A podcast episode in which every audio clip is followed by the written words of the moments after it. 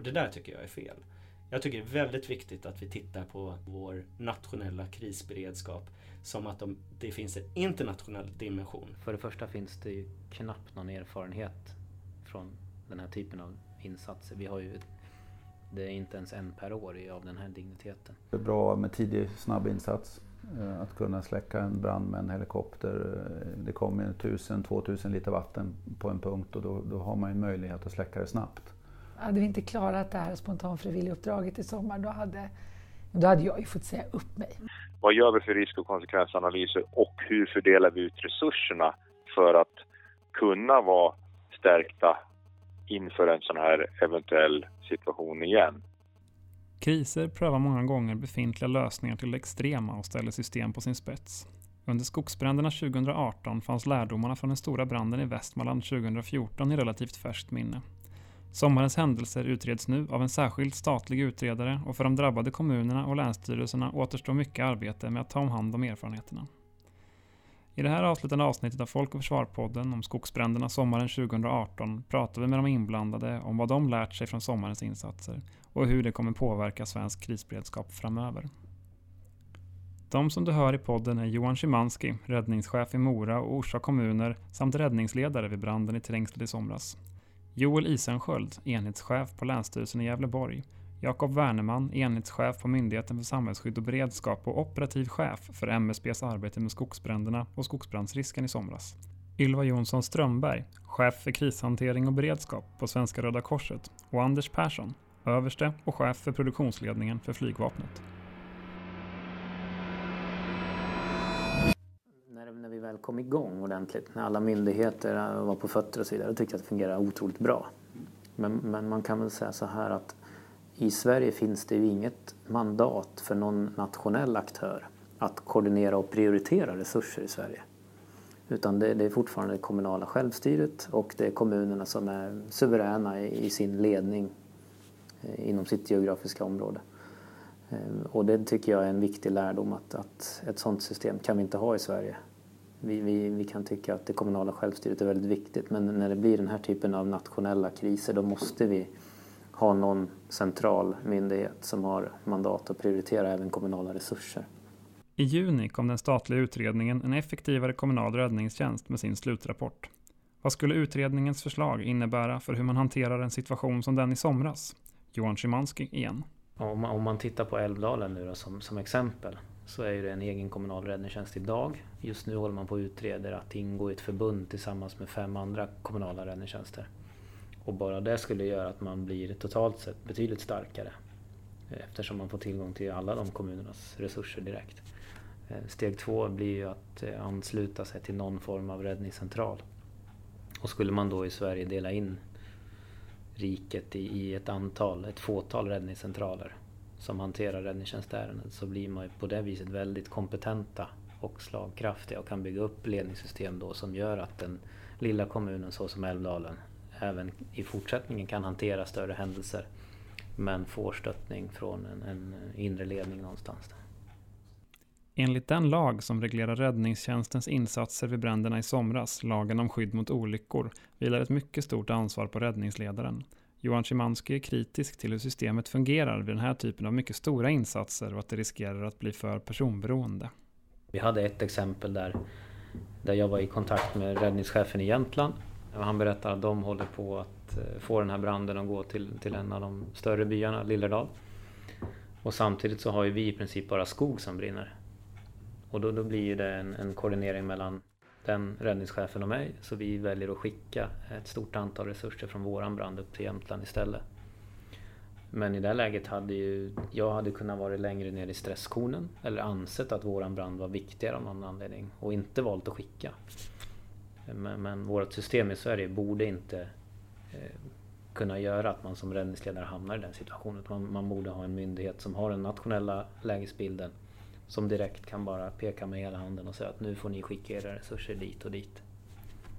Joel Isensköld på Länsstyrelsen i Gävleborg säger att målsättningen för hanteringen i somras var att ingen skulle skadas allvarligt eller dö i bränderna. Den här gången gick det bra.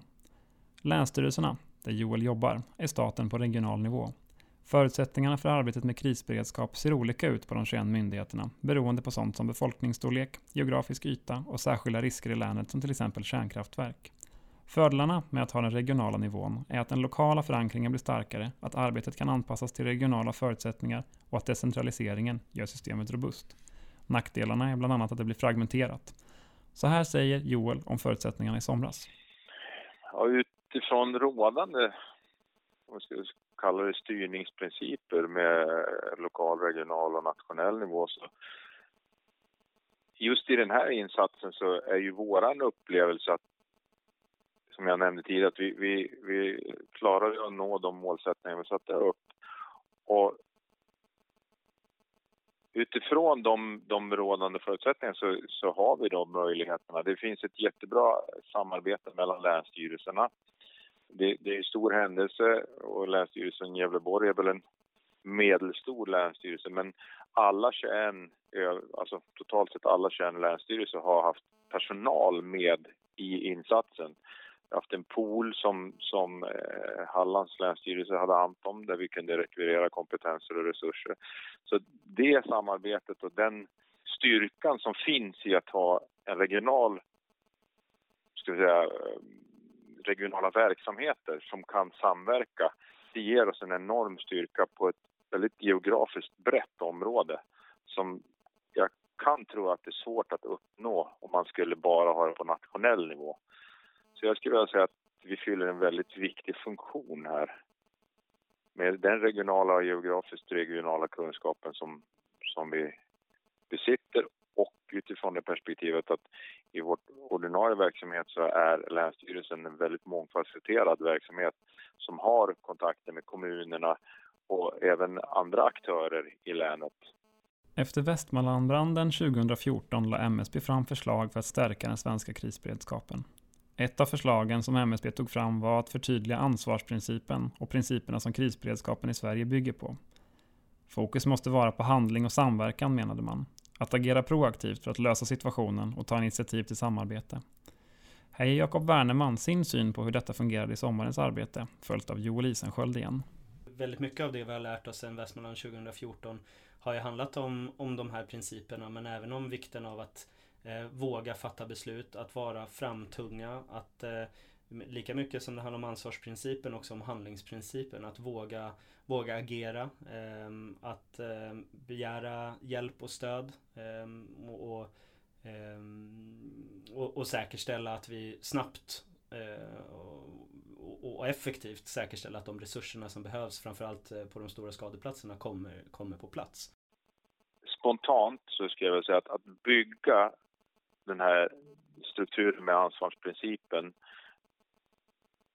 För att bygga den på ett sätt som, som funkar på, på hela landet med tanke på både den, jag ska säga, hur, hur spridningen ser ut, hur befolkningstätheten ser ut och, och vad vi har när det gäller infrastruktur. Så är min spontana tanke att man behöver göra ett tillägg i det här och titta på vilka risker vi har på de tillgångar som finns i landet. Inte bara liv och hälsa som, som, som är jätteviktigt men också en sån sak som vattenkraft, skogsbruk. Har vi råd att inte ha det skyddet på de platserna bara för att det inte är så, så befolkat? Så att man skulle behöva väga in andra perspektiv också i, i risk och konsekvensanalys för att ha som grund för hur man fördelar resurserna. Så grundstrukturen som jag ser det utifrån mitt perspektiv, den, den funkar bra. Men då är vi tillbaka till det Vad gör vi för risk och konsekvensanalyser och hur fördelar vi ut resurserna för att kunna vara stärkta inför en sån här eventuell situation igen? Principen i sig är eh, nog fel på men, men alla de inblandade beroende på vilken nivå det är, behöver ju få rätt förutsättningar för att kunna verka och ta sitt ansvar. Och då måste man fundera över vad man tittar på för kriterier för hur man fördelar resurser, för det är det vi kommer till i slutändan. Och det, det som, som jag tror är viktigt, det är ju att man håller den här linjen också. Ser man på oss på länsstyrelsenivå som, som har ett samordnande ansvar i ett första läge och i det här fallet gick vi in och tog över räddningsinsatsen. När vi gör det så måste ju kommunikationen gå via oss, att man inte går förbi oss i det här läget. Det tror jag är en viktigt perspektiv generellt sett oavsett om det skulle vara vi eller en kommun att man håller den här linjen för att inte skapa eh, onödig förvirring. Så det, det, är viktigt att man håller en stringens i det där arbetet också. Men sen kan man som sagt få titta på hur man fördelar resurserna utifrån behoven som finns och de tillgångar som finns i form av människor och, och övriga naturresurser till exempel. Mycket av diskussionen kring sommarens bränder handlade om flygplan och helikoptrar. MSB och Sjöfartsverket fick därför i uppdrag att snabbutreda vilka åtgärder som behövs på kort sikt för bättre beredskap i luften till nästa sommar. MSB föreslog till regeringen att tillgången till framförallt helikoptrar med släckningskapacitet ska säkerställas genom avtal på lokal och regional nivå. Varför då? Jakob Wernerman. Vad det handlar om eh, tycker vi att anledningen till att vi föreslår att eh, man behöver stärka resurserna, eh, framförallt flygande, tillgången till flygande resurser på kommunal och regional nivå eh, är för att vi har ett system inom krishantering Sverige idag som är decentraliserat och där, där varje kommun och varje länsstyrelse behöver se över sin risksituation och sin riskbild och säkerställa en beredskap utifrån den. Det, det bygger på det. Eh, de statliga resurserna ska komma in när situationen överträffar vad som rimligen kan förberedas för och hanteras inom ramen för den, för den lokala eller regionala nivån. Och därför är det väldigt viktigt att inte bara titta på eh, framtiden som att eh, det är staten som ska vara de som tillhandahåller de flygande släckande resurserna utan det finns eh, ett system idag där vissa kommuner och vissa länsstyrelser har eh, dialog eller avtal med privata helikopterföretag för att kunna avropa det i, i händelse av olika typer av bränder för att kunna få det där stödet. Och det är någonting som vi ser positivt på och som vi ser behöver utnyttjas i första hand. Sen behöver inte det utesluta ehm, att det också kan tänkas behövas en sån typ av kapacitet på statlig nivå. Men det ska ju vara Eh, sista utvägen så att säga för när den kommunala eller, eller den regionala nivån inte klarar av att hantera situationen. Och sen bortom det, om inte vi känner att vi då klarar av det på den nationella nivån, då kommer EU-nivån in eh, som, som nästa nivå där vi kan begära resurser om, om vi inte klarar av det. Så att vi ser att eh, man i, i, i, framtiden när vi tittar på vil, vart resurserna ska finnas och det gäller egentligen alla resurser, alltifrån slang helt enkelt till flygplan, så behöver vi se över hela Eh, den geografiska eh, uppdelningen där man behöver titta på vilka, vilken kapacitet behöver finnas på lokal nivå och, vilk, och sen hela vägen upp. Och där tror jag att vi, vad vi mer eller mindre har kommit fram till är att det behöver stärkas eh, på alla de nivåerna. Men låt oss inte glömma att i första hand så är det ett kommunalt ansvar. Utifrån sina upplevelser i somras och det lokala perspektivet har Johan Szymanski en annan syn på behovet av central upphandling. Ja, hur vi ska kunna säkerställa det, det, det, tror jag är väldigt svårt. Det är klart att man som kommun eller länsstyrelse skulle kunna upphandla viss helikopterberedskap. Men om vi tar ett normalår, eh, just vad gäller skogsbrand, så, så kanske vi inte använder en enda helikoptertimme för, för skogsbrandsläckning. Och, och det, då känns det som ett väldigt dyrt system. Mm, tittar man på Norge som är vårt grannland, där upphandlar ju staten så att man har ett antal helikoptrar i beredskap. Och jag tror att det är ett bättre system för att för den enskilda kommunen så är det ju väldigt svårt att, att säkerställa att det hela tiden finns helikopterberedskap. Naturligtvis kan man, kan man teckna ett avtal med någon helikopterfirma men, men hur man ska kunna säkerställa till 100% det är ju oerhört svårt alltså lokalt. Att lära av inträffade händelser och stärka förmågan på sikt är en del av arbetet efter en kris. Men hur lång tid kommer det ta att återställa de resurser som användes i somras? Jakob på MSB. Redan eh, mot slutet utav sommaren när vi fortfarande skulle kunna tänkas anse ha en skogsbrandssäsong så hade vi återställt eh, väldigt, väldigt stora delar utav de till exempel depåer eh, och annat som, som vi hade som vi nyttjade under sommaren. Ehm, så att det ser jag inte som någon, som någon stor risk men som en del utav det förslag som MSB har lämnat in till regeringen i och med vårt regeringsuppdrag så har vi också föreslagit att man Eh, stärker eh, kapaciteten eh, hos MSB, den materiella kapaciteten för att kunna återställa skogsbrandsdepåer till exempel snabbare än vad vi gjort vad vi gjorde i somras. Och det är ju för att kunna säkerställa en högre kapacitet inom de här förstärkningsresurserna på statlig nivå. Sommarens bränder var extrema. Men med klimatförändringar pekar många forskare och prognoser på att extremväder kommer att bli allt vanligare framöver. Och konsekvenserna av såväl torka och bränder som skyfall och översvämningar måste samhällets krisberedskap förberedas för. Så vilka är de huvudsakliga lärdomarna som sommarens huvudpersoner tar med sig i sitt fortsatta arbete? Först ut hör vi Jakob Werneman. Jag, jag, skulle säga att um, vad jag tycker um, karaktäriserade hanteringen utav skogsbränderna och skogsbrandsrisken 2018 var prestigelösheten och effektiviteten i samarbetet mellan alla de aktörer som var inblandade.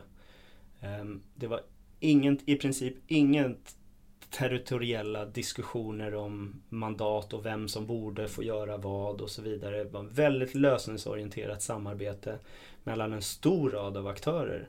Allt ifrån eh, kommunal räddningstjänst till frivilliga organisationer, till spontanfrivilliga, till civilsamhället, privata aktörer, myndigheter på både regional och nationell nivå och internationella aktörer som jobbade tillsammans. Ehm, det tycker jag var häftigt och jag tycker den viktigaste läxan eh, från det här året är att alla de här aktörerna behövs för att hantera omfattande samhällsstörningar, omfattande krissituationer. Och att vikten av att ha ett prestigelöst, eh, fokuserat eh, samarbete eh, går inte att eh, understryka nog. Sen så finns det vissa som också anser eller har liksom lagt fram perspektivet som att eh, det faktumet att vi fick in så mycket nationell, internationellt stöd till att hantera det någonstans är ett tecken på, eh, på att vi inte klarade av det själva och så vidare. Och det där tycker jag är fel. Jag tycker det är väldigt viktigt att vi tittar på, eh, på vår nationella krisberedskap som att de, det finns en internationell dimension till vår nationella krisberedskap. Där vi har ett samarbete inom ramen för EU, inom ramen för Norden och så vidare som går ut på just det här. Att vi ska kunna stärka varandra i olika typer av krissituationer. Så att de italienska flygplanen och de polska brandmännen och så vidare, det är en del utav vår krisberedskap. Så låt oss inte tappa det perspektivet. Låt oss inte se det som ett misslyckande av att vi samarbetar över, över nationsgränserna för att hantera en situation. Det är det som är styrkan i vårt internationella samarbete. Räddningschefen Johan Szymanski. Ja, som räddningsledare för en sån här stor insats för det första finns det ju knappt någon erfarenhet från den här typen av insatser. Vi har ju, det är inte ens en per år av den här digniteten. Men det här blir ju nästan en samhällskris, eller det blir en samhällskris. Så här gäller det verkligen att koordinera ett stort antal organisationer och människor mot ett gemensamt mål. Så jag vill påstå den, den absolut största utmaningen det är att våga och kunna ta klivet så pass långt tillbaka så att man inte är och petar i detaljer utan bara ger inriktning och låter människor ta så stort ansvar som möjligt. För det är då också vi får de kreativa idéerna. Och eh, jag tror en framgångsfaktor, dels var det att det var samma räddningsledare över hela tiden. Så att vi hade samma inriktning, en, en person, en trygghet. Och sen också att, att staben var så pass blandad. Normalt sett när vi jobbar så är det bara brandbefäl som, som besätter stabens ledande funktioner. Här var det allt ifrån, om man säger civilister då, till militärer till brandbefäl. Och det gjorde ju att vi fick en, en oerhörd bredd på arbetet och, och lösningarna som dök upp. Anders Persson talar om sina erfarenheter ur Försvarsmaktens perspektiv. Ja, det, det är de här klassiska. Det är ju det att ibland så är det ju bra med tidig snabb insats. Eh, att kunna släcka en brand med en helikopter. Eh, det kommer 1000-2000 liter vatten på en punkt och då, då har man ju möjlighet att släcka det snabbt. Och, och tid är ju en avgörande faktor i, i, oftast i, i brand, brandsammanhang.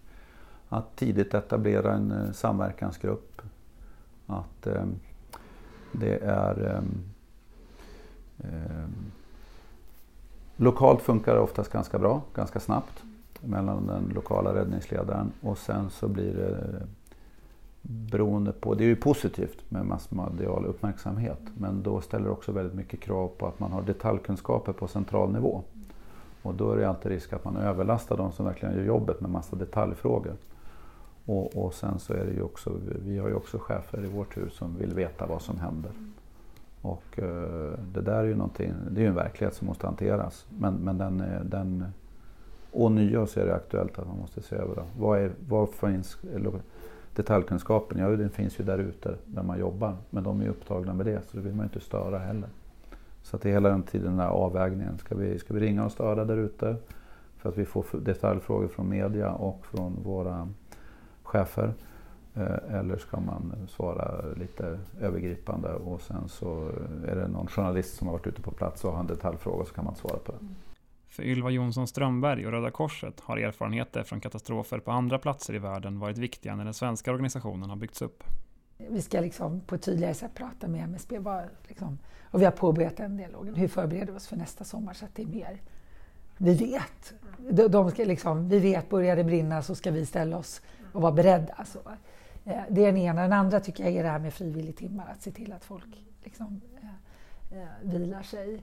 Eh, vi har brist på några roller i vår krisledningsorganisation som vi behöver rekrytera fler och se till att vi liksom har så att de som eh, inte blir utbrända, de som har är lite få liksom, roller. Så. Ehm, så det, eh, sen så tror jag det här att det var mitt i sommaren, det, det hjälper också för att eh, folk hade inte annat att göra och det var inte så många människor på kontoret, det går lite snabbare beslutsvägar och så. så det, men det är också liksom, händer det mitt, mitt när alla mitt uppe i sitt vanliga jobb så kanske det inte går lika smidigt. Så det behöver vi ju liksom bara säkerställa att vår krisledningsorganisation funkar även i, i högsäsong. Liksom så. Så att, eh, men egentligen ska jag säga att vår absolut största lärdom är att vi har byggt ett robust system som funkar. Det säger inte att det funkar perfekt, men vi behöver inte ändra någonting i fundamentet och grunden. Vi behöver skruva här och där och en del av rattarna är lite större och en del är bara små muttrar. Men vi kan känna oss trygga i vårt system. Vi har testat det och det funkar. Eh, det tror jag är egentligen den största och sen ska vi se till att vi eh, hanterar de här eh, skruvarna och muttrar. Och jag tänker att det, det vore väl, ursäkta språket nu, själva fan om inte vårt fundament funkade. Vi, vi gör det här i 191 länder runt om världen. Det är klart vi lär från varandra. Jag, jag och min chef var och tittade på hur kanadensiska Röda Korset hanterar skogsbränder. Det gjorde vi för, vid den här tiden förra året och kunde ju där se att hmm, det där ska vi inte göra. Mm, det där var jättebra och det lärandet plockade ju vi hem. Jag har varit och jobbat, jag jobbade i jordbävningen i Nya Zeeland. Samma sak. Gud vad bra, där hade de en fantastisk... Eh, den där ska vi plocka hem. Eh, de hade, det här att de Nya Zeeländska Röda Korset vände sig väldigt mycket just till ledare i samhället som fotbollstränare, lärare och kommunelever. Och just hur utbildar de i hur tar du hand om människor som har gått igenom en kris? Det som vi lite gör i Ljusdal nu. Så där har ju vi liksom plockat lärande från ett annat land som vi eh, använder här. Så det är ju, och jag menar, I somras vi hade 19 kollegor från Norge som kom, mm. första hjälpare som kom och hjälpte oss. Så det är ju en av våra enorma styrkor är ju att vi vi gör ju det här över hela jordklotet. Så hade vi inte lärt oss något av det, det är lite som, hade vi inte klarat det här spontanfrivilliguppdraget i sommar, då hade, då hade jag ju fått säga upp mig. Avslutningsvis, vad är det viktigaste att ta med sig från de många bränderna sommaren 2018? Vilken beredskap behövs och för vad? Johan Szymanski konstaterar att det finns mycket kvar att göra och att man inte får gå i fällan att enbart bygga upp en beredskap för stora skogsbränder. En viktig konsekvens av det här det är, det är att inse att att vi kan inte fortsätta som vi gör nu med de här små kommunala räddningstjänsterna på, på det här viset vi arbetar idag utan vi måste bygga bättre och robustare system. Eh, sen tror jag också att vi måste titta mer kopplat till eh, ett civilt försvar och kanske ett totalförsvar. Vi ser ju att vi har inte enorm nytta ens utan det är ju avgörande att kunna samverka med Försvarsmakten, med frivilligorganisationer och andra för att kunna hantera kriser i samhället. Och då behöver vi också titta på det när vi övar i vardagen så att vi verkligen bygger system utifrån det.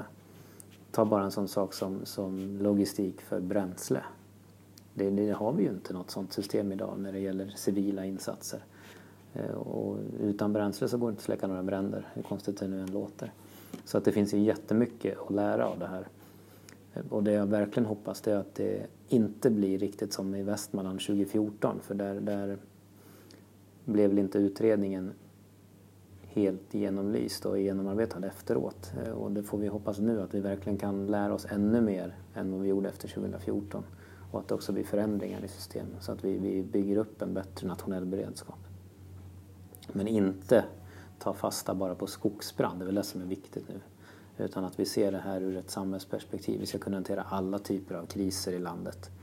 Och att vi hittar ett system för det. För ska vi bara bygga upp ett system nu för skogsbrand, vilket är stor risk att vi gör, så kommer det innebära att nästa gång när vi får en översvämning eller en pandemi eller något liknande, ja då står vi där med Svarte Petter igen för att vi tänkte bara skogsbrand. Så jag tror att vi, vi måste ha det, det bredare perspektivet och i slutändan är egentligen väpnat angrepp som, som målbild på något vis. Du har lyssnat på tredje avsnittet i en poddserie från Folk och Försvar om skogsbränderna sommaren 2018. Övriga avsnitt i serien finns på folkochförsvar.se, Soundcloud eller där poddar finns.